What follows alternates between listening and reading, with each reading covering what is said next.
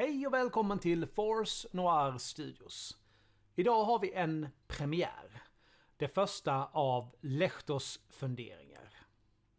Jag tänker inte säga så mycket mer utan jag låter honom presentera sig själv.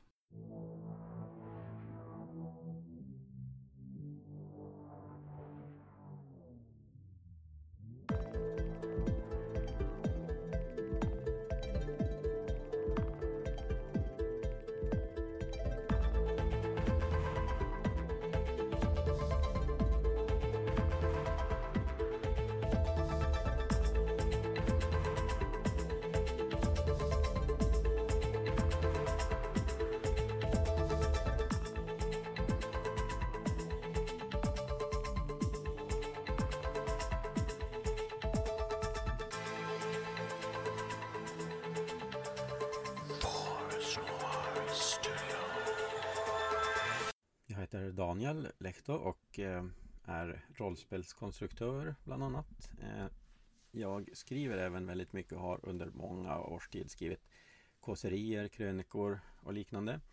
Och eh, i en serie här nu så tänkte jag läsa några av dessa kåserier. Vissa äldre och vissa nyskrivna. Och jag börjar med en som handlar om döden och hur det var när jag förlorade min pappa. En clown för döden.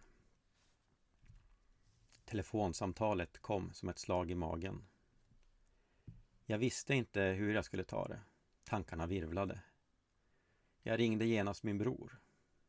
De hade hittat pappa livlös, kall, men ändå försökt med hjärt och lungräddning på 112s inrådan. Jag undrade om det fanns någon chans. Min bror konstaterade faktum, men jag grät inte. Några timmar senare satt jag och min syster på bussen på väg hem upp till Gällivare. Min syster grät. Inte jag. Jag skämtade hela resan. I Luleå gick inga fler bussar så sent på dygnet. Min äldsta vän, som jag känt sedan sexårsåldern, bodde i stan och mötte upp oss på busstationen för att köra oss de återstående 27 milen till Gällivare. Mitt i natten. Bara sådär utan vidare förvarning.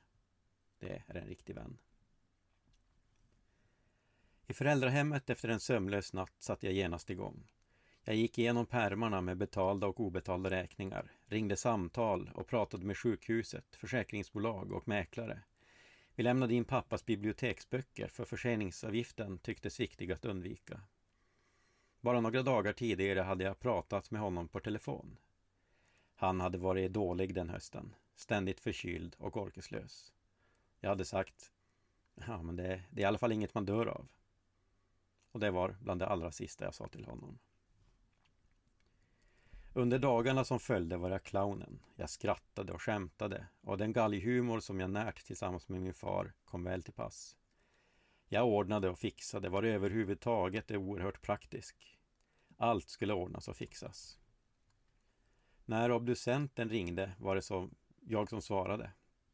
Han hade fått en massiv hjärtinfarkt Stenoserna i hjärtmuskulaturen var så kraftiga att det var ett under att han alls stått på benen sista tiden, berättade obducenten. Men det hade gått fort. Han hade inte lidit. Och jag tänkte att så säger de till alla. Men jag sa inget. Och jag grät inte. På minnesstunden efteråt var det som om jag ville explodera. Det var för trångt, för mycket folk, för många viljor och jag fick knappt luft. Min dotter då fem år, kröp upp i min famn efter att ha känt på farfars kalla hand och sjöng lågmält Blinka lilla stjärna för honom. Jag ville aldrig släppa taget. När minnesstunden var över stannade jag kvar en stund, ensam med kroppen. Jag tackade för allt, för tryggheten han hade inneburit då jag var liten, för alla gånger jag fick följa med fast jag egentligen visste att jag inte borde. Och nu hade jag alltså förlorat min förälder, min pappa, tryggheten i det otrygga. Men jag grät inte. Men så en kväll, när dottern låg vid min sida i sängen och var ledsen för att farfar var borta, smekte hon mig över kinden och sa När jag är ledsen kommer det tårar, men du gråter inte pappa. Och där var nyckeln. All uppdämd sorg släpptes ut och smärtan var obeskrivlig. Jag grät som om jag aldrig skulle kunna sluta.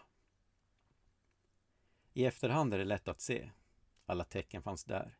Vedlåren han inte fyllde, häcken han inte klippte. Allt som lämnades ogjort i brist på ork. Alltid retade väl någon, brukade han försvara sig med. För sån var han, min far. Man skulle inte klaga i onödan. Han blev 57 år och var tryggheten i den barndom jag kallar min. Saknaden går aldrig över. Tack för att du lyssnat på dagens avsnitt. Musiken är gjord av Imaginary Stars Production. Lehtos funderingar kommer komma ut med oregelbundna mellanrum. Ta hand om er så hörs vi snart igen. Stay tuned!